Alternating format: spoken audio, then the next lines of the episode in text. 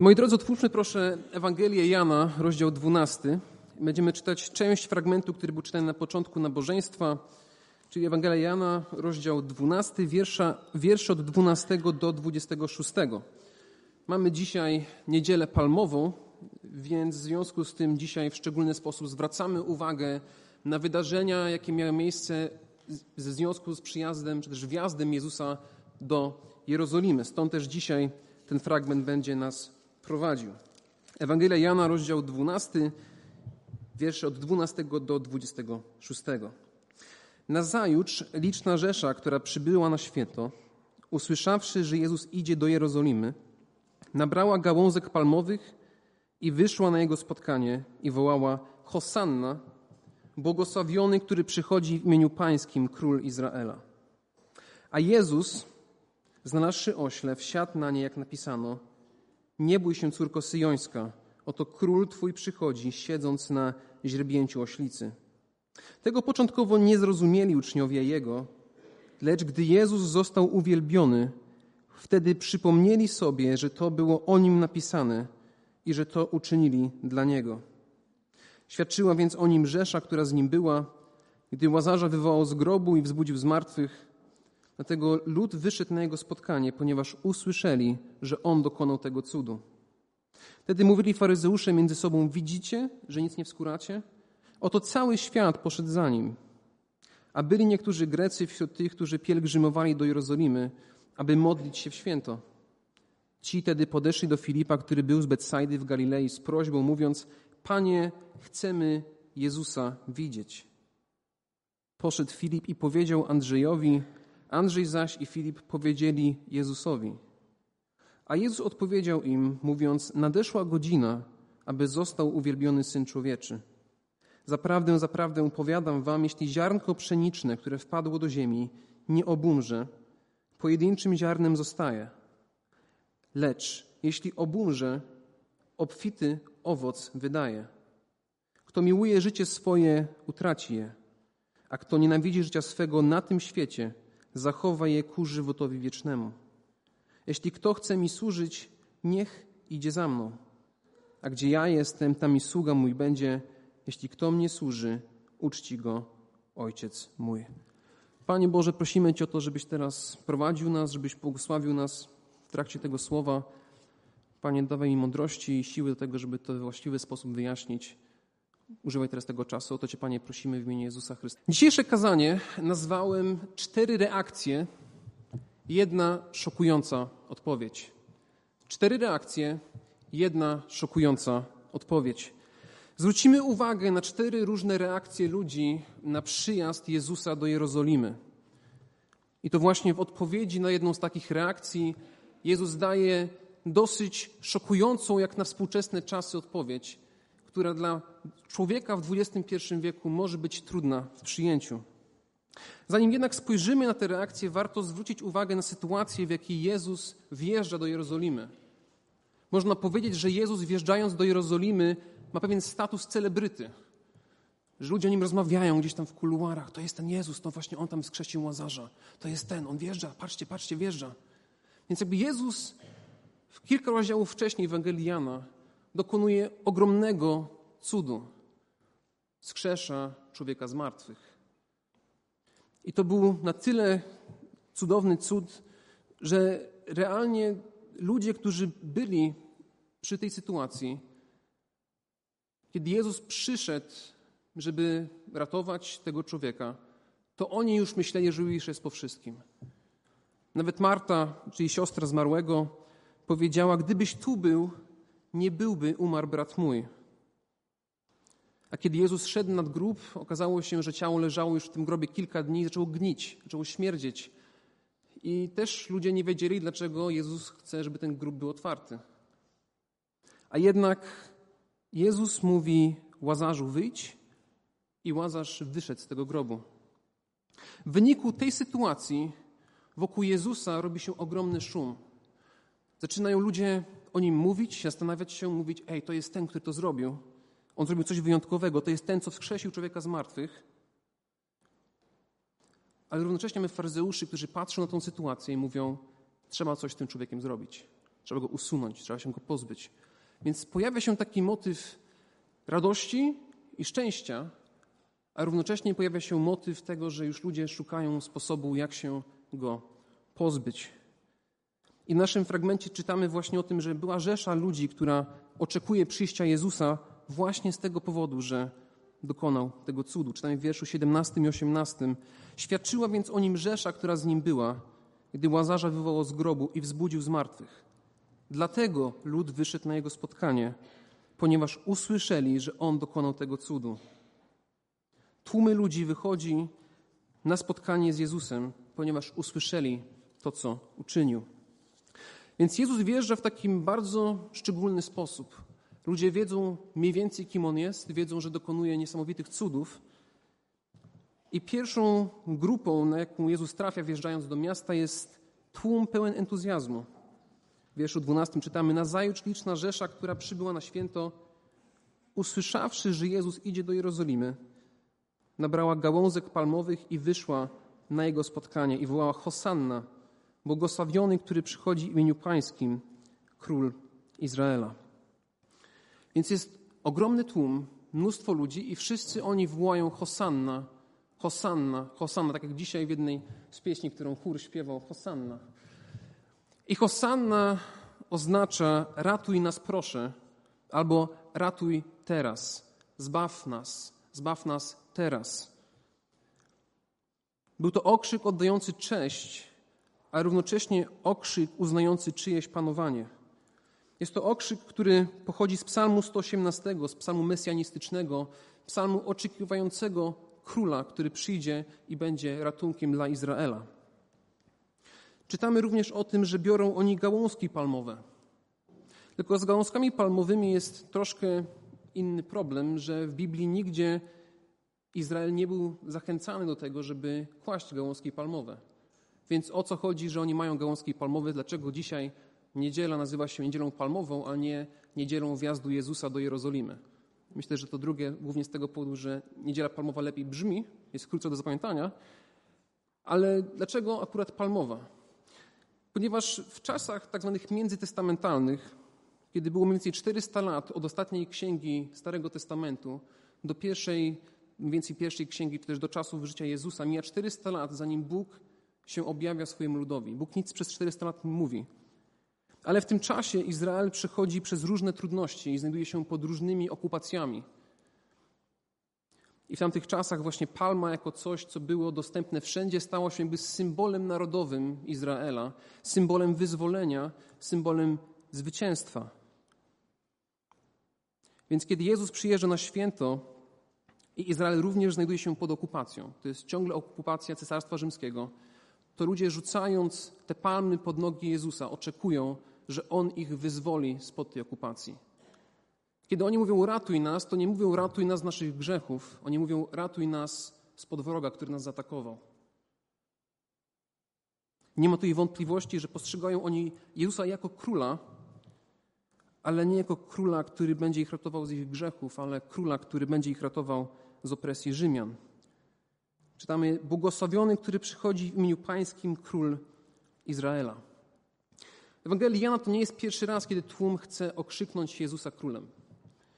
We wcześniejszych rozdziałach, chociażby w rozdziale szóstym, kiedy Jezus nakarmił pięć tysięcy osób, to w wierszu 15 czytamy, że Jezus poznawszy, że zamyślają podejść i porwać go i obwołać królem, uszedł znowu na górę sam. Więc można powiedzieć, jest pewna taka powtarzalność. Jezus czyni cud, lud się zachwyca i chcą go uczynić swoim królem. Ale za każdym razem Jezus próbuje im pokazać, że nie jego, jego królowanie będzie na czymś zupełnie innym polegało. Że on nie przyjeżdża spełniać ich oczekiwania. On nie przyjechał, żeby realizować ich narodowościowe, rewolucyjne zapędy, ale przyjechał ustanowić królestwo oparte na pokoju i przebaczeniu ludzkich grzechów. I w jaki sposób to królestwo było ustanowione? No w tym, że on jako król, którego właśnie tutaj okrzyknęli, umarł potem za nich na krzyżu. I to się wypełnia w Ewangelii Jana, kiedy Piłat nad krzyżem Jezusa montuje tabliczkę z napisem Jezus Nazareński, król żydowski. dostępną w trzech różnych językach: w greckim, łacińskim i hebrajskim, żeby wszyscy wiedzieli, że ten, który umiera, jest królem żydowskim. I można powiedzieć, że to nie jest coś, czego lud się spodziewał. Jest to raczej słaby król. No jak to nasz król, który ma nas ratować spod mocy Rzymian, ląduje na krzyżu? Jakim cudem ten, który miał być naszym wyzwolicielem, okazuje się, że sam potrzebuje ratunku? Możliwe, że Żydzi mówili między sobą no, trochę słabo, bez sensu. Znowu będziemy musieli szukać kogoś, kto będzie mógł nas ratować. Może musimy czekać znowu na kogoś podobnego. Bez sensu. I największym problemem, jaki tutaj Żydzi mają, jest to, że przyszli oni z pewnymi gotowymi oczekiwaniami wobec Jezusa. Oni mają pewne wyobrażenia Jezusa, których Jezus nigdy nie obiecywał, że im spełni. Mają oni pewne jakieś wyobrażenie Jego osoby, ale kiedy się okazuje, że jednak nie jest On tym, czego oni oczekują, przychodzi zawód, przychodzi rozczarowanie, ponieważ okazuje się, że Jezus jako Jezus nie jest wystarczający. Jak to wygląda dzisiaj? Czy dzisiaj ludzie, przychodząc do Jezusa albo szukając Jezusa, mają o nim jakieś swoje wyobrażenie, które kiedy nie będzie spełnione, nie będzie wypełnione w stu procentach, zamienia się w zawód i rozczarowanie Jego osobą. Ludzie nie są być w stanie w pełni tak zwany content osobą Jezusa Chrystusa, przez to, że On nie jest tym, kogo oni oczekują. W Ewangeliach jest inny obraz Jezusa, a ja mam w głowie inny obraz. Czasami na przykład bywa tak, że ludzie myślą, albo im się mówi, że Jezus rozwiąże wszystkie Twoje problemy. To jest takie coś hasło dosyć znane.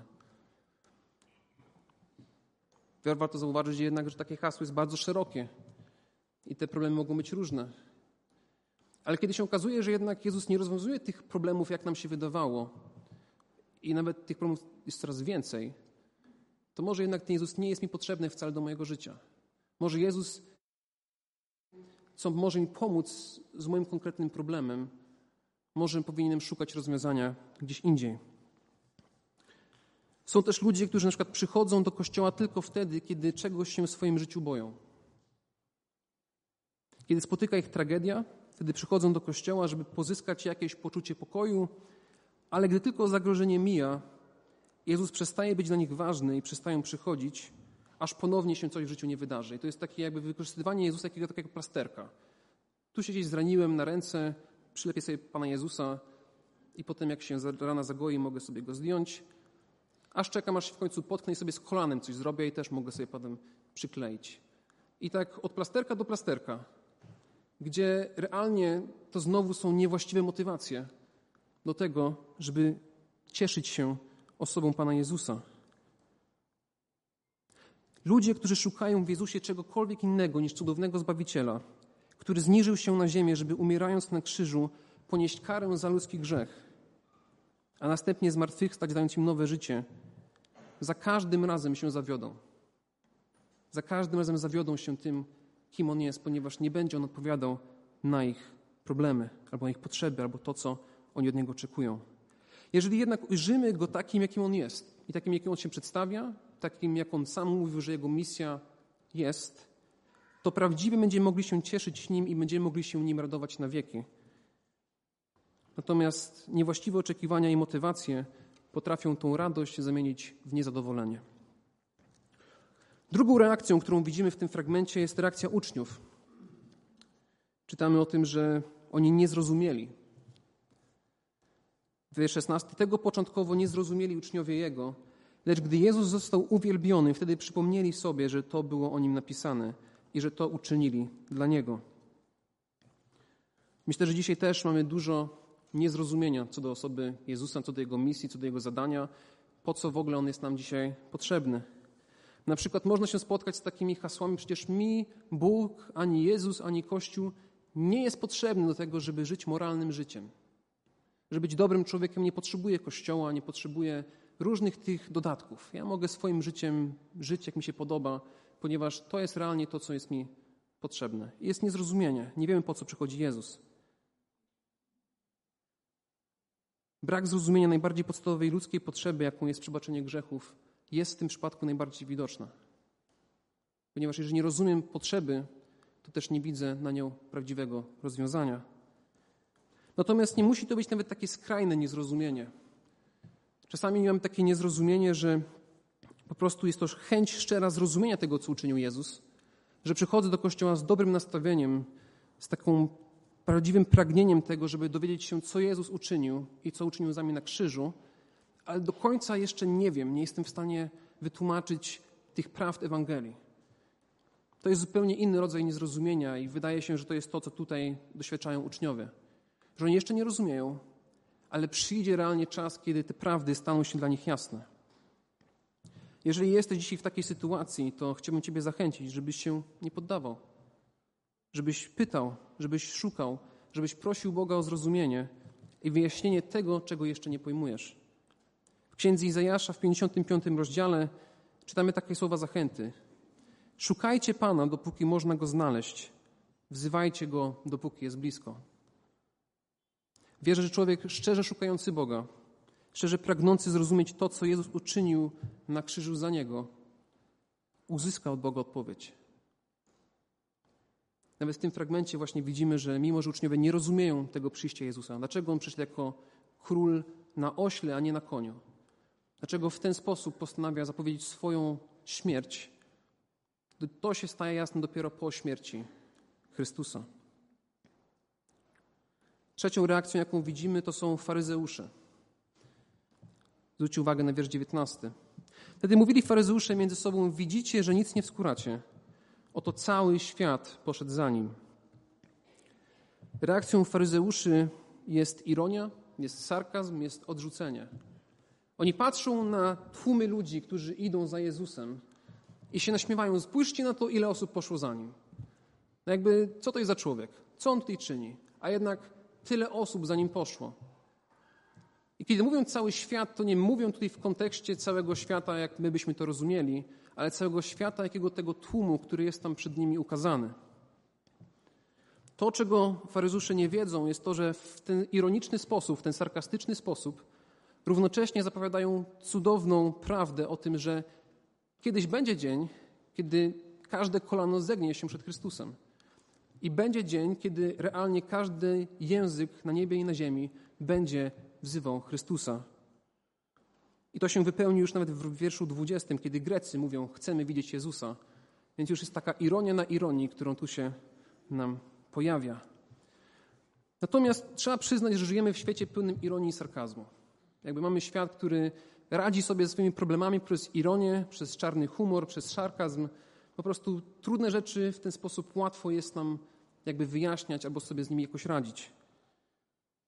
Natomiast jeżeli chodzi o ironię względem Chrystusa i ludzi, którzy za nim idą, jak widzimy, to nie jest nic nowego.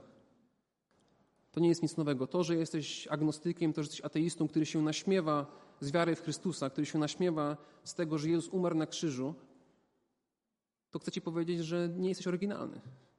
Nie wymyślasz koła na nowo. Nie jesteś w tym wyjątkowy. To nie jest jakieś wyjątkowe odkrycie, które tu zostaje dokonane. To już jest coś, co się pojawia od razu przy służbie Jezusa. Ta ironia, ten sarkazm i przez to oficjalne odrzucenie Chrystusa, które kończy się Jego śmiercią na krzyżu, no jest coś, co też dzisiaj w naszym społeczeństwie jest widoczne. Do tego bardzo dobrze służy internet, bo ludzie czują się bardzo tacy anonimowi i mogą mówić, co im się tylko podoba. Nagram jakiś filmik, będą się naśmiewać, coś tam pokażą. Więc ta reakcja też do dzisiaj jest bardzo dobrze widoczna. Równocześnie warto zaznaczyć, że nawet jeżeli ktoś ma takie podejście, to i tak Bóg takich ludzi potrafi uratować.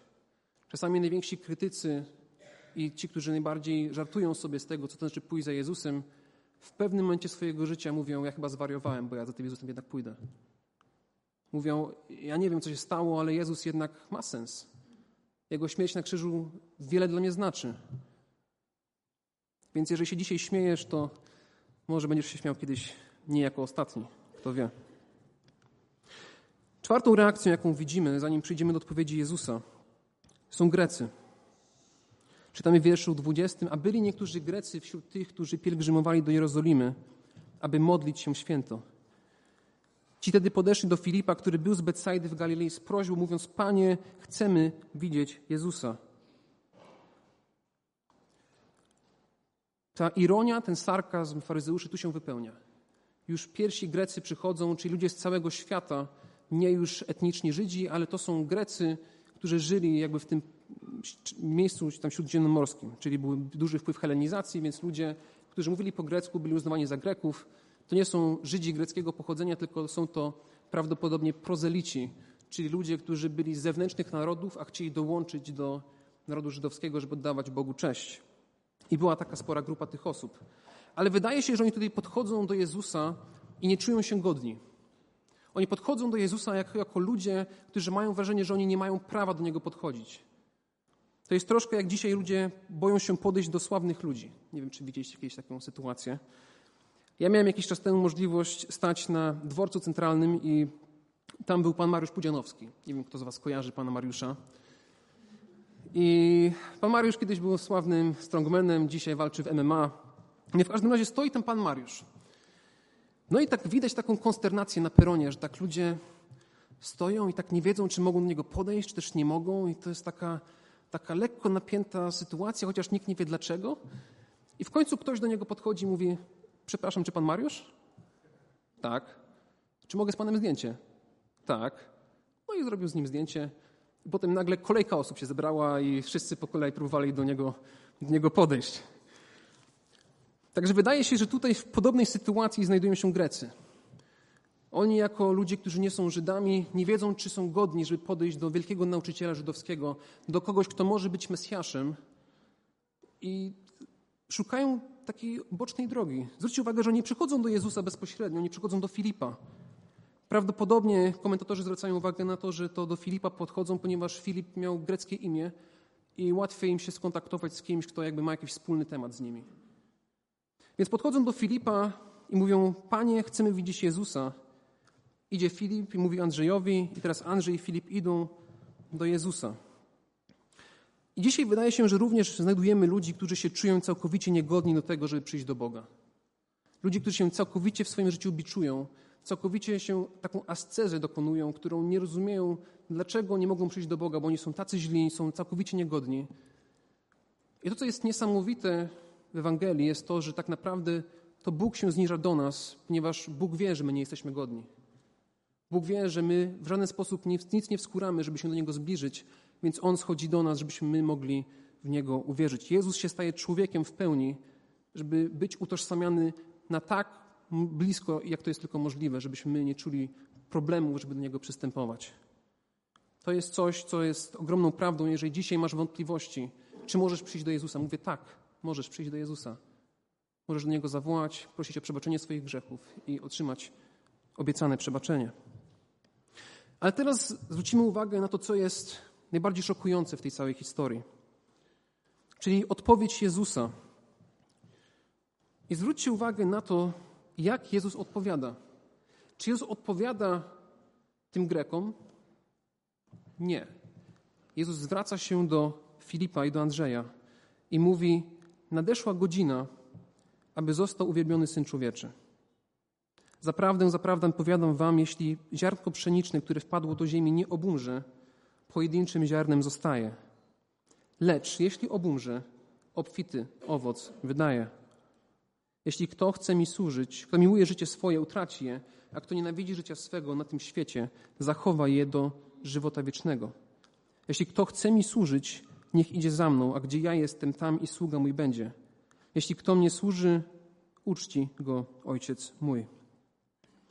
Jezus zaczyna od tego, że od teraz nadeszła już jego godzina.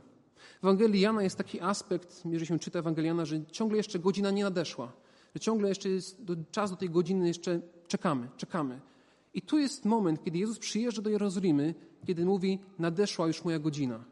Jezus zapowiada swoją śmierć w tym miejscu swoim uczniom oficjalnie i zaczyna im tłumaczyć, jak jego śmierć będzie wpływała na tych, którzy będą chcieli za nim pójść. Jezus tłumaczy, że ziarno musi obumrzeć, żeby obfity owoc wydało.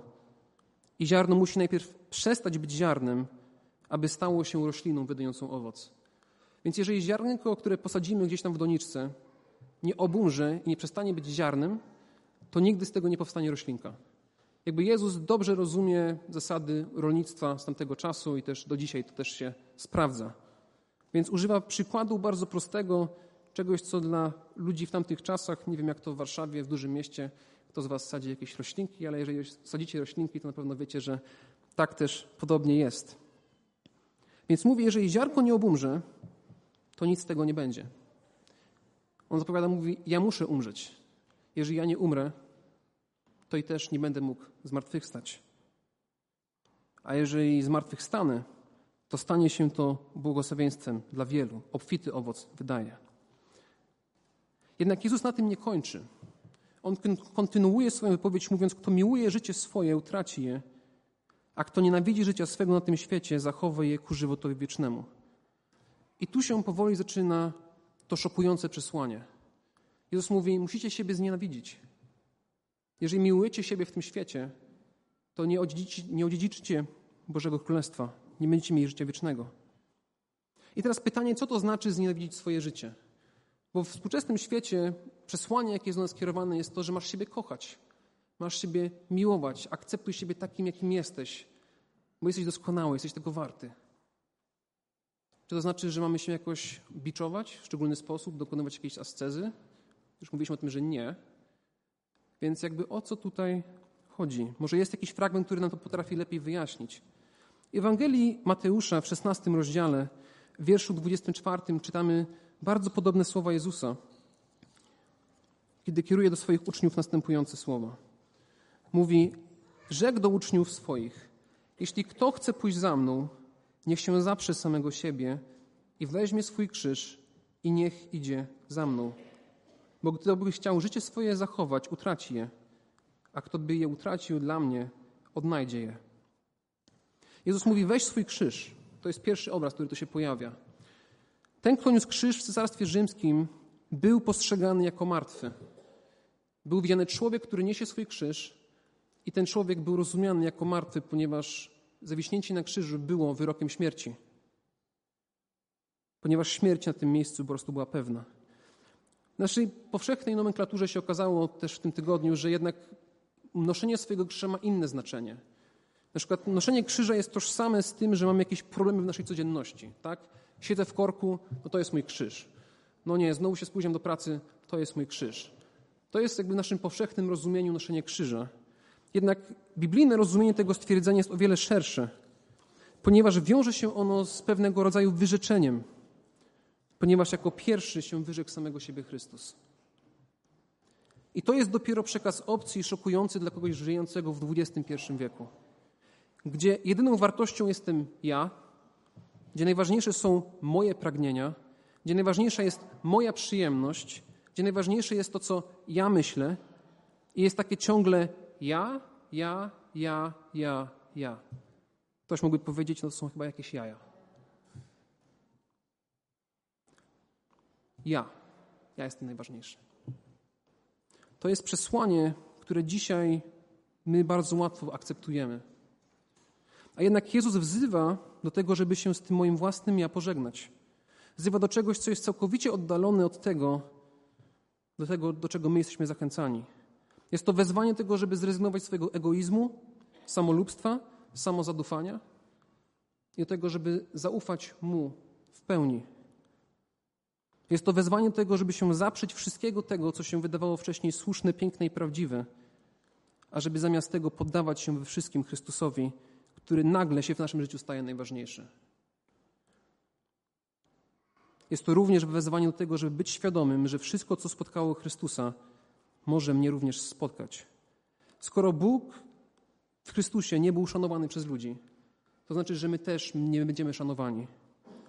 Jeżeli świat nie mógł Chrystusa zrozumieć, to również oznacza, że nas również nie będzie w stanie zrozumieć. Czasami są to rezygnacje z rzeczy, które są dla nas oczywiste, bo wiemy, że są dla nas szkodliwe. Czyli wiemy, że musimy zrezygnować np. z pornografii, z nadużywania alkoholu, z narkotyków. Wiemy, że to są rzeczy, które trzeba zwalczyć. To są rzeczy niefajne.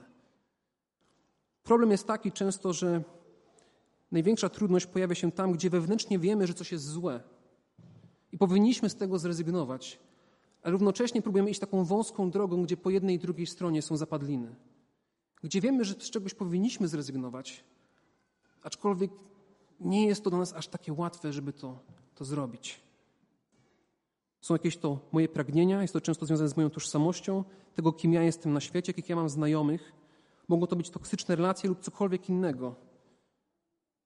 Wiem, że jest mi z tym niedobrze, ale i tak się w to pakuję. To, co powinno nas motywować w tym, żeby iść za Chrystusem, jest miłość. Ponieważ ostatecznie wiemy, że Jezus jest lepszy i ponieważ otaczamy Go większą miłością niż to wszystko, co nas na świecie otacza. I chciałem powiedzieć Wam historię pewnego chłopca, który miał kanarka, takiego małego ptaszka. I jak wiemy, że kanarek ma piękny głos, to jest jeden z takich ptaszków, który uznawany jest, że ma najpiękniejszy głos na świecie. I on był z tego ptaszka bardzo dumny. Jednego dnia jego matka zachorowała i się okazało, że ten piękny głos był dla niej bardzo irytujący. Że jak ptaszek śpiewał w domu, to jej to bardzo przeszkadzało. Chłopiec pomyślał, dobrze, to ja może jakiś obejdę ten temat, zaniosę ptaszka na górę domu. I trzymał ptaszka na górze, ale się okazało, że jak ptaszek śpiewał, to mama i tak słyszała i była tym irytowana. Pewnego dnia zdecydował się oddać ptaszka koledze ze szkoły. Kiedy wrócił, matka powiedziała: Myślałam, że lubisz swojego ptaszka. On powiedział: Tak, ale ciebie lubię bardziej. Miłość do matki była tym, co ostatecznie przezwyciężyło, żeby pozbyć się tego, co wydawało się cudowne, piękne i wspaniałe. Ale był gotów z tego zrezygnować, ponieważ okazało się, że jest coś w jego życiu ważniejszego i tą osobą była jego matka. Czasami można też mieć jakby tą świadomość, że w życiu chrześcijanina takie nastawienie będzie wiązało się z pewnym procesem, gdzie może od razu z wszystkiego nie mogę zrezygnować, bo jeszcze wiem, że są pewne rzeczy, które mnie trzymają. Ale jest też nadzieja w tym, że Bóg używa nas przez lata i ten proces trwa. Jakiś czas temu miałem właśnie rozmowę z jedną osobą, która powiedziała: Po tym, jak ostatnio się spotkałam ze znajomą sprzed lat, widzę, jak bardzo wiele się zmieniło w tym, jak ja postrzegam świat, jak zmieniły się moje priorytety i jak bardzo jestem Bogu wdzięczna, że mnie z tego bagna wyciągnął. Może być tak, że nie będziemy zauważali tego, jak bardzo Bóg nas zmienia. Dopiero powrót do pewnej styczności z wartościami, pragnieniami innych ludzi, ludzi spoza takiej bańki chrześcijańskiej, może byśmy powiedzieli, pokaże, jak bardzo już Ciebie pewne rzeczy nie interesują, albo jak pewne rzeczy już nie są całkowicie ważne. Natomiast inne w wyniku posłuszeństwa Chrystusowi i miłości do Niego stają się niezwykle ważne. Nagle się okazuje, że zamiast myśleć, że można się przespać z kimś po czwartej, piątej randce, co i tak w dzisiejszym świecie jest dosyć optymistycznym i hojnym założeniem, to Twoje myśli kierują się w to, że jednak seks jest czymś pięknym dopiero w małżeństwie. Nagle się okazuje, że para, która mieszka ze sobą przed ślubem, po tym jak nawracają się, stwierdzają, że jednak było to niewłaściwe i nie mieszkają z sobą do ślubu. I ludzie patrzą na to z zewnątrz i mówią, zwariowali. Jakim cudem ten mój kumpel od lat, którego ja znam doskonale, no nagle stwierdza, że nie chce mieszkać z swoją dziewczyną. Dlaczego? Nie rozumiem. I parafrazując piosenkę zespołu elektryczne gitary, wszyscy mamy źle w głowach, że wierzymy. Tak jest to postrzegane. Ponieważ pewne wartości, pewne priorytety po prostu nie będą szanowane, nie będą zrozumiane. I Jezus mówi, czy jesteś na to gotowy? Czy jesteś gotów ponieść ten koszt? I to jest niezwykle szokujące, że to jest przesłanie Jezusa, które jest przesłaniem ewangelizacyjnym. Jezus kieruje to do ludzi i mówi: chodźcie do mnie, chodźcie do mnie, pójdźcie za mną. To jest otwarte wezwanie do wszystkich ludzi, a jednak razem z tym wezwaniem mówi: jest klauzula. Jeżeli pójdziesz za mną, to spodziewaj się tego. Bądź gotów na to, że będziesz musiał zrezygnować z samego siebie. I dzisiaj we współczesnym świecie jest to trudne. Niektórych, łatwiej, niektórych jest łatwiej zrezygnować, ale z innych przychodzi nam to ciężko. Kto by dzisiaj w ten sposób reklamował chrześcijaństwo? No masz zbawienie za darmo, ale spodziewaj się, że cię nie będą na przykład ludzie lubili, nie będą cię szanowali. No jakby dzisiaj raczej inaczej próbujemy sobie zareklamować chrześcijaństwo jako taką czasami prostszą drogę. Jednak to jest wezwanie Jezusa i On mówi, chodźcie za mną. Jeżeli chcesz pójść to chodź. Ale bądź świadom tego, co tu się pojawia. Jeśli kto chce mi służyć, niech idzie za mną, a gdzie ja jestem, tam i sługa mój będzie. Jeśli kto mnie służy, uczci go ojciec mój. I nagroda, nagroda jest wieczność. Wieczność z Bogiem na wieki.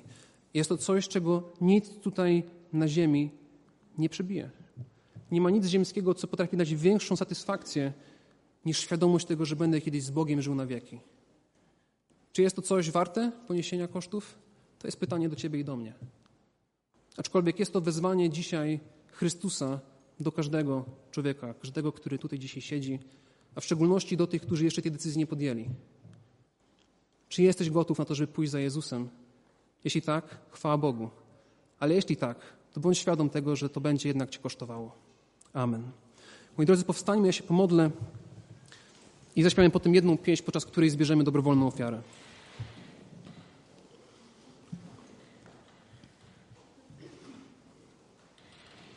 Panie Boże, tak Ci dziękujemy za to, że jakby świat trwa i te kilka tysięcy lat pokazują, że ludzie się też nie zmieniają.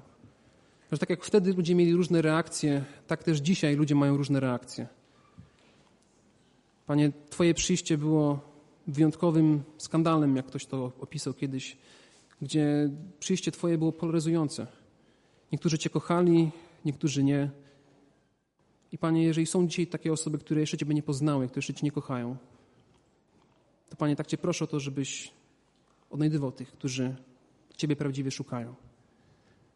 Panie, modlimy się o to, żebyś dodawał nam siły i mądrości w tym, żeby iść za Tobą na 100%, żeby nie być fanami stojącymi z boku, ale realnie ludźmi, którzy są gotowi ponosić, koszta dla Ciebie. Świadomości tego, że nagroda jest wielka i świadomości tego, że Ty, Panie, prawdziwie potrafisz dać szczęście, ale nie szczęście w taki sposób, jak my sobie to wyobrażamy, ale szczęście w sposób, jaki Ty, Panie, nam okazujesz. Bądź, Panie, uwielbiony, bądź wywyższony w imieniu Jezusa Chrystusa. Amen.